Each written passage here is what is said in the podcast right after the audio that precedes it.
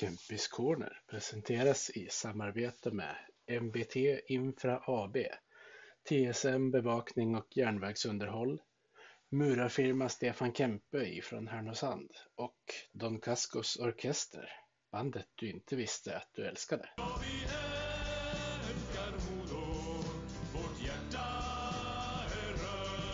Hi, and welcome to the podcast Kempis Corner, as usual with me, Peter Kempe, and welcome to the 91st episode, where I'm joined by Jared Cipparone, head coach of uh, women's team. And uh, Jared, uh, you're the reason I'm talking English in this episode. I, I know you understand Swedish, but uh, it's easier for the both of us, I think, if you're using English. Yeah, that works. Uh, how are things? Uh, you have uh, a few days before your next game. I think it's Monday, right? Uh, correct. But things are good. We had uh, a couple of days off. Uh, the girls deserve some rest, and then it's just preparations for the game on Monday. you ended in second place uh, in in the league table. Uh, how would you describe your season uh, if you get to do it now after it's ended? Yeah, I think it's uh, has been a very good season. Um, we have a good young team, a team that's hungry to uh, be better every day, and uh, it showed in the games. I think even when we had what you can call bad periods, we still found ways to get points, and um, our low level was still high, and um, that's a big attribute to the girls and their mentality. Yeah, uh, a few of the girls uh, are still young, but still have been playing at least two seasons uh, of uh, of uh, senior, senior hockey. Mm what do you think uh, they they've learned that they can use this season? Well, I think anytime uh, you play in the playoffs last year, uh, many of the younger ones uh, got to experience the semifinals, uh, especially against Luleå. Um, that's something they can take with you. And um, girls that we brought in uh, have obviously played playoffs in other teams and other leagues, if it's college or World Championship or Olympics. Um, so it's it's just gathering experience, but experience only is what you make of it. I, I believe. I think um, if you're Ebba Hedqvist or Mira Helin, you know they have experience from playing in big games in the under 18 World Championships, and Ebba got to experience uh, with the World Championships last year. It's the same with the Adela Shapovalov, she's experienced it with the World Championships as well as under 18. So even though those girls are young, um, they have experiences in different uh, settings, and for us, it's important that we we just make sure that we're ready to play and that you don't want to make the moment bigger than what it is. It still comes down to to playing good hockey, and um, if you overthink it, then it can be a detriment. Uh, and I think those girls, uh, they understand the situation, but they also enjoy it. And same goes for even the older players. I think it's, uh, despite that our, our, average age is the second youngest in the team, we, we have a lot of experience in our team um, in different aspects. Yeah, um, the the oldest uh, girls are far from the age of the oldest players in in the SHL. Uh, so I'm guessing uh, age isn't uh, everything, but it still means a little. Yeah, absolutely. I think uh, naturally in the women's side, uh, average age is younger. Um, girls play senior hockey uh, in some cases too early. Um, I think the younger girls on our team, they're they're too good for junior on the girls' side, and they have proven that they're they're senior players despite their age, and that's how we treat them too. I think it's important that when they come up, they're, they're treated uh, as a senior player, but of course you have the understanding they're still 17, 18 years old. Um, but our older players that are, I think our oldest player is born in '96, and uh, that's still young. Um, but they they have gained experience. Some of them have started national team at 17 years old and start senior hockey at 16. And in the big picture, it's too early, but that's how it is right now in the women's side until we we garner up more players playing. But um, it's definitely average age in women's hockey is uh, younger than on the men's side. Yeah, and uh, you have uh, been working uh, with women's hockey for a while now. Uh, what uh, what have you learned compared to playing with with the men like you did in your playing days, of course? Well, well, I think the women's hockey is such a fast-growing sport. Um, if you looked at uh, Riksserien, as it was called uh, when I started, to where it is today, it's a totally different game. Um, the players are much more trained.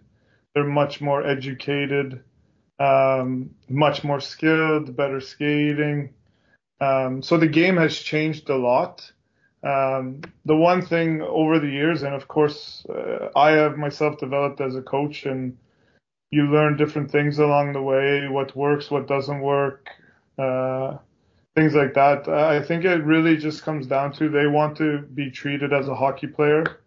Uh, they don't want to be treated differently than a male hockey player, and uh, that's how I treat them. Uh, I have demands on them, and uh, as you say in Swedish, there's a krav of what we expect, and uh, I think that they appreciate that, and uh, they respond well to that. And then, of course, there's the personal aspect to it. I mean, they're human beings, and you need to to uh, treat them as one and, and have the understanding that not everyone has a good day and um, that people have different issues off the ice or it can be in school or it can be in work or their personal life. And it's important to build a relationship with the players that uh, they feel they can be open and I'm open with them. And uh, and I think uh, over the years it's it's something that I think is is a strength that they know that they can come and talk to me and and so on and that I understand if there's something going on and they're open with it that um, the most important thing it comes down to is that they as a person feel feel good when they come to the rink. And then when we are on the ice or off the ice uh, at the arena they're they're here to work and we're here to get better as a team and them as an individual. And and with that comes uh, demands and um, I think it works hand in hand very well, and uh, I have much appreciation for the girls that I've coached that they're open to being better and understand that if there's critique or if there's uh, demands that it's not uh, because of anything else other than that I want them to be a better hockey player. Yeah, and uh, with the young squad that you have, uh, I'm guessing uh, there's a lot of development that you're, you, both you and the individual want to get as high as possible. Yeah, absolutely. It's uh, hockey is uh, is an evolving sport. Uh, if you look at the men's side too, the way the game is played now compared to five six years ago is different also, and um, despite if you're 17 or 26, I think if you're going to play hockey at an elite level, you want to get better all the time. If you're satisfied um, always where where you're at and stuff, you're never going to to continue to get better. And uh, that's one thing I think is important to point out with our team this year is that every girl wants to be a better hockey player. Every every one of them uh, each day wants to get better and when an individual gets better, that that uh, the team develops also, and that that goes hand in hand. Yeah, and and you're uh, on your second uh, season with Modo since you came from AIK. Uh, yeah. What what have you been trying to change? Uh, uh, I'm guessing you knew Björn Edlund a little before you came, and you're working together now. Uh, but I'm guessing since you're the coach, you get the last uh, word.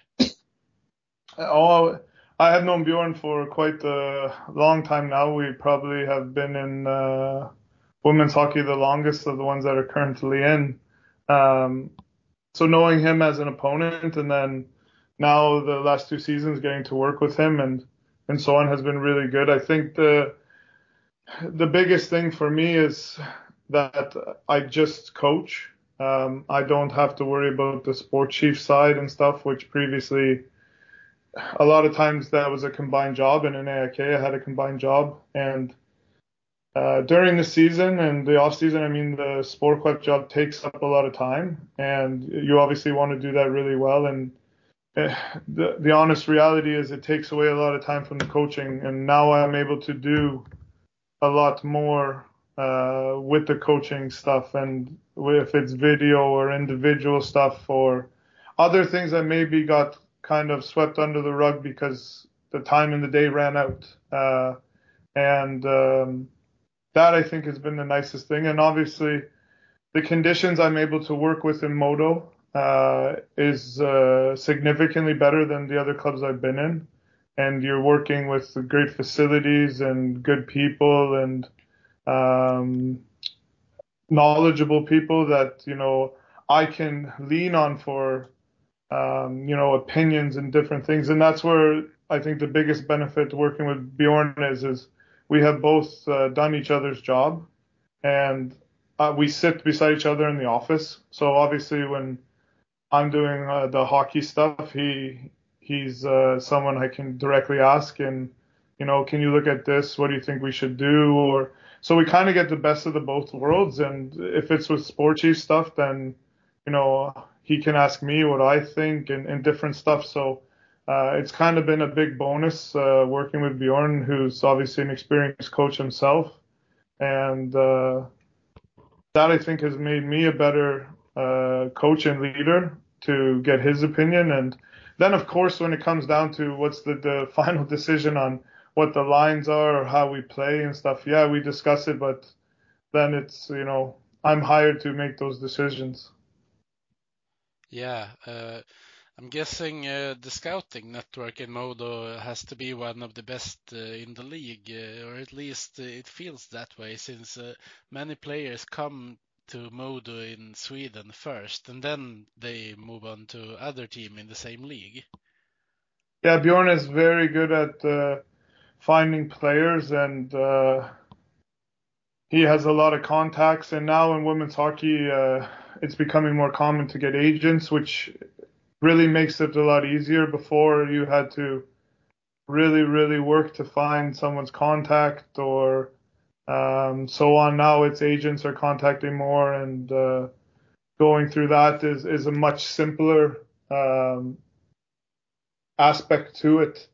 Um, but I think Bjorn does his, uh, does a really good job at identifying good players and then um, you know, looking into the player, how are they off the ice, how's their personality, um, that kind of stuff, because it does play a massive uh, role in the recruiting. Is do they fit into the culture that we want to have? Um, and then if they stay for a couple years and leave, that could either be their own decision or maybe, you know, their time is just kind of done with the club, and or maybe we as a club feel there's a better solution, and that's just how hockey is. But um, I mean, Modo is a is a big name, not only obviously in Sweden but worldwide, and uh, I think that obviously helps too. And then you know when we recruit, and sometimes we're able to get players into Övik to get to see the town and the arena and MSA and so on. Um, that doesn't hurt at all. Yeah, and the placement of the arena, I guess, isn't too bad if there's a decision to be made. No, it's uh, it doesn't hurt that the arena sits on the water. That's for sure. uh, but as we said earlier, you're in your second year in Modo, and uh, a lot of players are the same as last year. Uh, but you have, uh, of course, uh, made some recruitments to this year. What uh, did you feel that you needed to bring in after last year?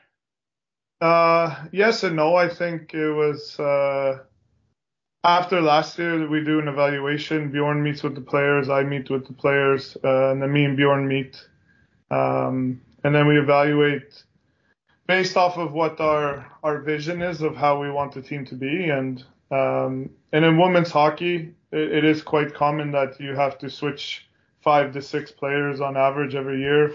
Either girls stop playing or they move back home or um, maybe go to another team. But i would say out of the changes we made there's probably two players that we wanted to keep uh, one being brooke hobson that uh, is now obviously playing in the PWHL. Um, and but otherwise, we we identified some areas we wanted to improve. Um, to build on to what our our culture would be and um, and to last year was a good season, but we felt that uh, we didn't get fully out everything that we wanted, and um, I think the changes that we made have been uh, really good. Yeah. Uh, for example, you you've taken in uh, Andrea uh, Brändli as a goalkeeper, and she has been playing really well this playoff, for example. Yeah, she's uh, she was one of the goalies that we identified that uh, we wanted to bring in, and then I think the the final, you can say, nail in the coffin was when we got to talk to her. She was still over at school in Boston, and um, me and Bjorn had a video meeting with her, and her personality just uh, stuck out right away. Um, we knew what type of goalie she was on the ice, but um, how she is as a person, um, her calmness, but also her joy, I think is uh, has been very important to our team. Obviously, she's uh, performed very well, but even in games where maybe she hasn't played to her top, uh, you never see her crack. Uh, she's always focused and very calm, and and that allows us to to play a little bit more aggressive. And um, the girls have a, a, great respect for both goalies that we have. Lisa has done very good in her second season as a senior, and um, it's a huge benefit. It's an important position, obviously, uh, to have a, a, really good goalie, but uh, also her personality, I think, has been huge for our team also. Yeah, and you have uh, one goalie who catches left and one who catches right. Uh, can that uh, be to your advantage uh, in some games uh, during the the regular season? Yeah, I guess you could say that. I mean, it's not as common uh, that goalies catch the same way as Lisa. Um, so maybe it changes a little bit when you're coming in. You know, it's common to shoot uh, stick side low on a on a left-handed catching goalie. Um, where otherwise when Lisa's in, it's not, it's her glove side. But, um, I, I think it's, uh, it is and it isn't. Um, it's not nothing really I've actually thought about before. Yeah, that kind of question maybe could have been better to the opposition players. Yeah, yeah, for sure. I think it's uh, like, I, for example, on penalty shots, I think it changes a lot of your um, perspective of how you're going to attack a penalty shot. I think during the game, um, I think it's uh, not necessarily something that maybe they think about, but I think it's uh, it's something that for sure, if you pre-scout the, the goalie and so on, um, that it, that can play a role for sure. And uh, you have improved uh, your uh, league position from last year, uh, and you played uh, pretty good against Luleå as well. Uh, how how long do you think they will keep being the, the dominant force in, in Swedish hockey? As long as they want, I guess you could say. I think it's they have uh, established a certain way of playing, and they've kept a lot of their core players, the Finnish uh, girls. Uh, and even if they lose players, they still add.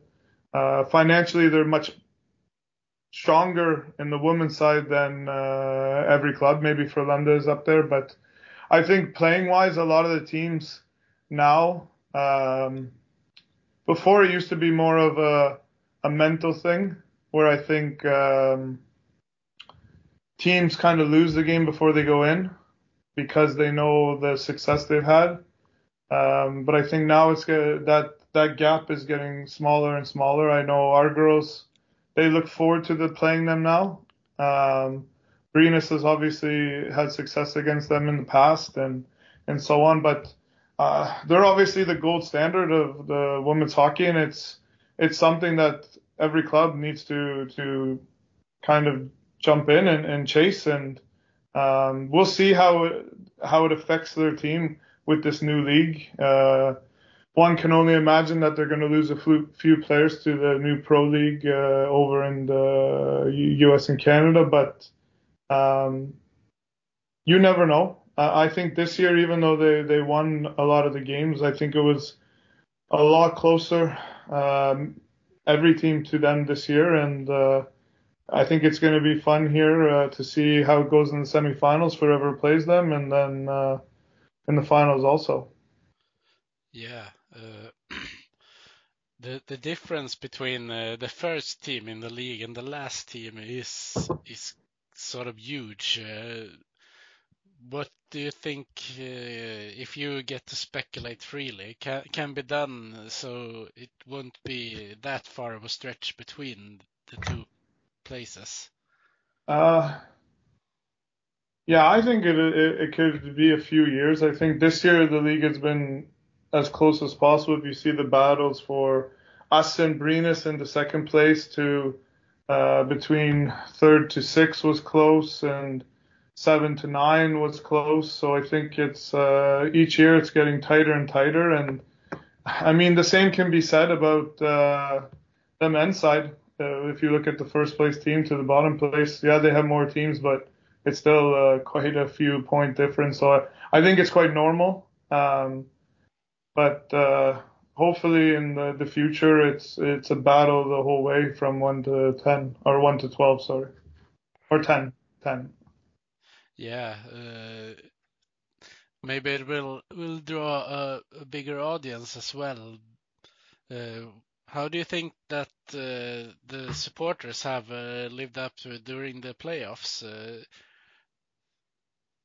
We had uh, at the two home games, we we had pretty decent crowd if you compare to our average during the season. Um, hopefully that there'll be more now in the semifinals. I think the biggest thing is obviously just to get them to come and watch. I think there's this perception um, that it's different. And yes, it's not men's hockey and it's never going to be men's hockey in the style and so on. But if you love hockey, you would love to go watch a women's game. It's good speed, uh, good skill. Um, and I think that's the biggest thing because there's many that come for the first time and leave and say, "Wow, that was good." And I think it's more of just the to get out of the norm that it's always been. I think if you look at uh, women's football, uh, that's kind of getting up there now. And you look at the World Cup with the women's, and um, in North America, women's hockey is really big. Uh, there, it doesn't matter. People don't really care if it's men, women's, whoever playing they love hockey and want to go watch and and so on. And then obviously uh, each year the the level is getting better, so that that should help. And um, clubs are starting to promote the games more and different things. And then it's important that we we uh, try and attract the right uh, fan base. Uh, and I think this year you see when we switch to Friday and Sunday games, uh, the Sunday games at 12 o'clock specifically. Um, has done well with attendance or improved from last year and getting younger boys and girls out and uh, so I think it's a step in the right direction this year, um, but I think it always can be improved. Yeah, of course, uh, but uh, I guess uh, what you're saying about uh, preset the presets in minds uh, of mm. what what the hockey is uh, mm. is the biggest problem. Mm. But I think it's it's just the it's a generational thing. We look at you know now uh, if you look at hockey in general, if it's NHL or SHL. Um, you know, the the game is not as physical, but then when there's a big hit, it becomes a big story. And I mean, hitting is a part of hockey. It's always been a part of hockey. Now we have it in the women's side, uh, which I think has uh, really helped not only the attractiveness of the game, but also the gameplay. Um, but I think it's, you know, there's some generations that are used to the rough and tough hockey, and um, now within the from 2010 and up or so, hockey has become a little bit more of a skill game and speed, and you know the rules have changed to put it that way, uh, with the less hooking and interference and so on. Um, so I think that's where it's important to find uh, the right audience for what they're looking for and uh, so on. And um, then the reality is, and not so many people say it, is, you know, if we look at uh, Sweden in general, it's not the biggest country in terms of population. We have uh, during some of the hockey season, there's obviously football Allsvenskan so in some cities you have that, and then you have a men's team that plays, and then some cities have all three high, highest of the women's team, or so on. So for example, I, I, understand it can be tough uh, when if the men's play on Tuesday and we play Wednesday, they play Thursday, and we play Friday. That that's going to be tough. So um, that's where I think SDHL has done good to to counteract where we're playing on Fridays, which don't overlap with uh, SHL, and on Sundays, which is the same. And um, some weekends or so, it can be that the men's are away uh, and we're at home. And there's so many things that go into it that um, that you have to understand, but also uh, we have to maybe think outside the box and how can we promote it and how which which group of people. Um, I think hockey's for every age, uh, but obviously you got to start somewhere, and uh, and we also want to get young girls and boys out to to get them interested in hockey if they're not as interested yet. And um, hockey is a very fun sport to watch, not only on TV but live and can we make that experience fun for them and, and that kind of stuff. Yeah, uh, and uh, of course you can see a whole lot of things uh, when you're watching a game live that you can't see on, on TV. Oh, exactly. I think it's. Uh, I think now with uh, C or TV4 this year, um, when you have just a single camera, for sure. When they have the the bigger broadcast, you get to see more. But seeing it live and then able to see the players and um, that kind of stuff. You get to see the emotion of the game more live. Um, so I think that that helps too uh, for them to come to the game. Yeah, and you moving a game to Sollefteå might have made a few people that can't watch games in Övik watch that game and and uh, get uh, to be a fan of the team uh, uh, and so on and so on. Yeah, uh, for sure. I think the, those things are are uh, a really good thing to do. I think um, the landscape of where Modo supporters, you could say, come from is so big. You're not just in one kind of small town or so on. They, it's such a vast uh, area where Modo supporters come from, and um, the more we can do things like that, I think the better, and uh, and and it it's only a positive thing to do that. It was a really fun uh, experience to to get to go there. There was a lot of people, a lot of young kids that came, and um, Sollefteå Hockey did a really good job with it. Yeah. Uh, and you had a very big audience as well. Yeah, we did. It was uh, it's fun. It's it brings more energy to uh, the game, and uh, I, I have nothing bad to say about that whole thing. Uh, they did a great job, and uh, the people from Sollefteå came out, and uh, it was really fun. Yeah. But if we should switch uh, the focus to to your playoffs, uh, you did your job, uh, so to say, when beating uh, SDE Hockey in three games. How did you think it was? Um, I don't think we played nearly to to our level um, overall consistently. Uh, with that being said, SD is an extremely hard team to play against. They're much better than their record. Um, they play a style that is, uh, you can say, suffocating. Uh, they're aggressive and um, and I think they they put us into some tough situations. But I was really happy with how the girls handled it, even if uh, the first game was a little bit back and forth, but uh, we found a way to win. Uh, the second game uh, was more of a clear win. Um, I think that was the, the, the one game out of the series where we played more of uh, Modo hockey. And um, the third game, it's always tough. You play a desperate team that their season's on the line, and uh, I think we we handled it very well, especially in the third period. We didn't really give them any any quality uh, chances, and um, that that is actually fun to see that we were able to adapt and and uh, not get frustrated and, and find a way because in playoffs it's the main thing is to find a way to win. And um, when we make uh, adjustments or so on the girls were really good with it. And um, and it was very deserving. And quarterfinals are always tough especially when you're the favorite in it. And uh, and all in all, I mean, winning in three games is a huge benefit because we get some rest, uh, but it was very well deserved.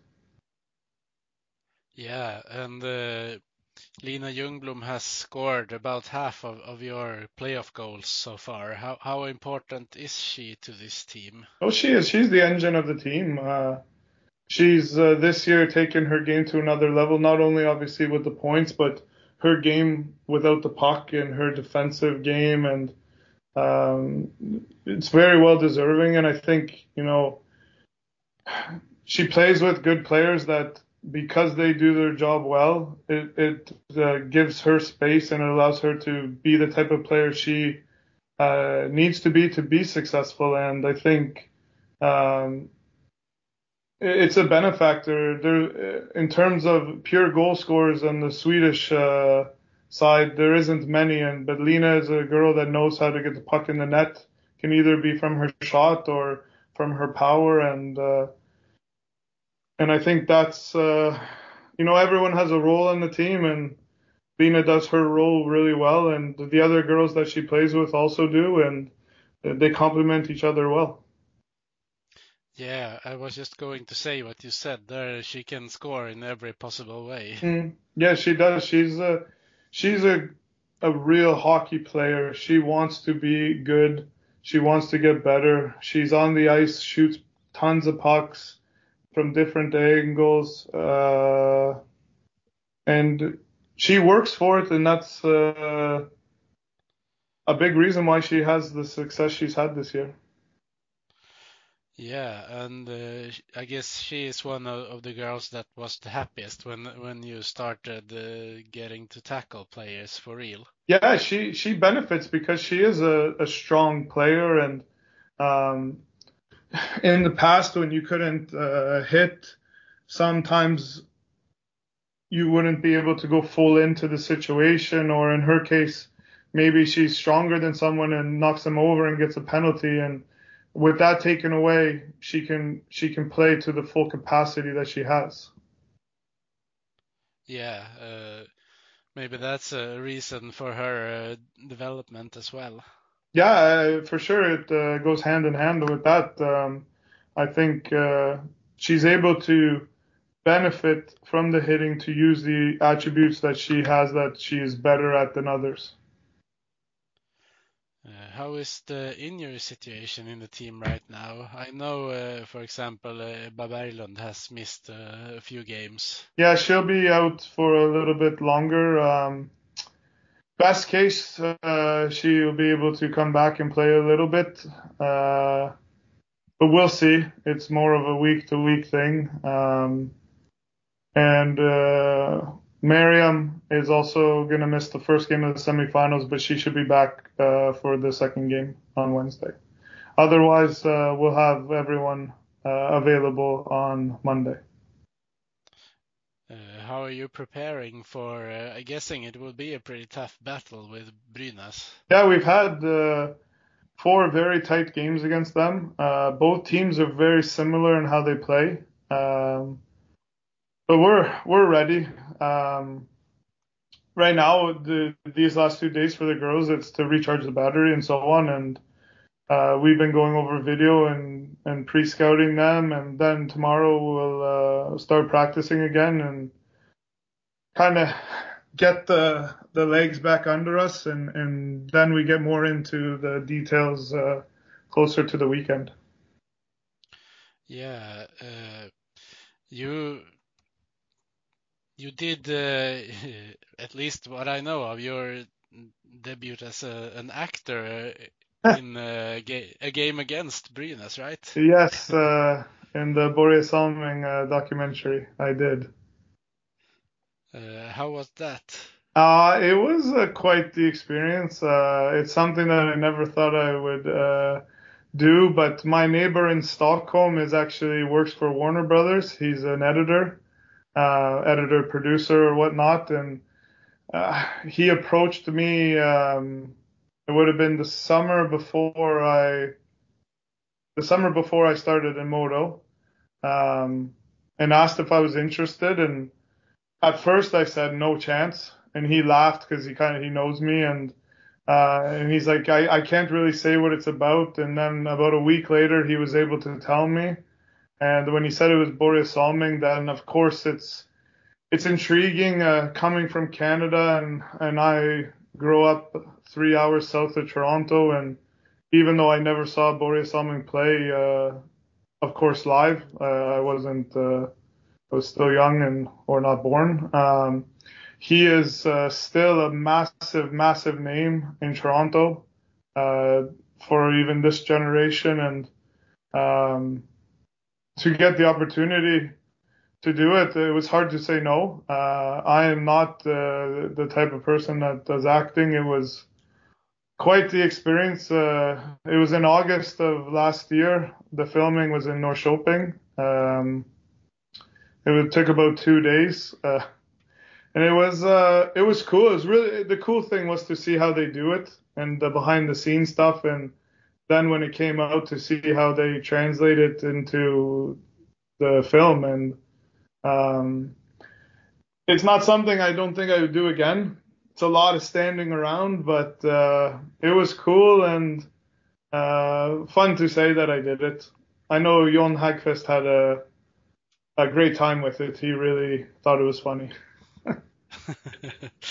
uh, how far from your regular persona is, is the role that you played? It's not too different. I think uh, the director of it, he was uh, he was really uh, cool about stuff. He obviously they knew I wasn't an actor. A lot of the other ones are. Everyone else was an actor, and but he just said, "Do as you would do if you are doing your own job." And uh, the lines I had, I had a few more lines that that weren't in the film, uh, and it went quite good. It wasn't difficult the lines, and you just kind of had to yell a little bit and pace on the bench and so on. Uh, from what from what I understand of the character that I played, the the coach of the Barry Flyers, uh, he was a little bit more crazy, but uh, I can get mad sometimes, of course, but it was fun. It was fun to do.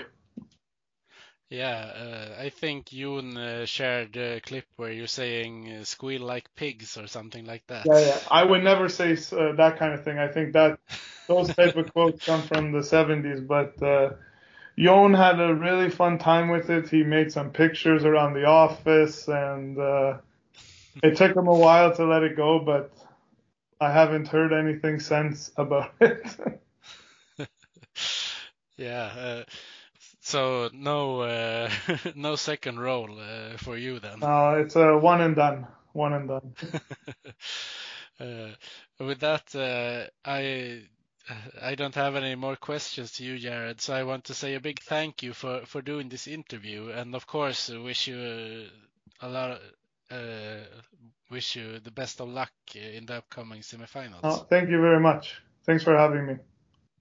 Yeah, uh, and uh, let's hope that you get a, a little more uh, people to come to the games when uh, when the stakes are higher. Yeah, I hope so too, and I think uh, it will. I think when you get into semifinals, finals, it's uh, it's exciting time, and uh, I know that the team would really appreciate uh, as much support as we can get, and uh, and I think it'll be well worth it for uh, those who come. Absolutely, uh, and let's hope they can be loud as well. for sure. so thank you again, uh, and uh, thank you to everyone who has listened. Uh, and let's say, let's go Modo. Let's go Modo. Vi hejar på Modo, rödvit och grön. Klubben i hjärtat, en känsla så skön.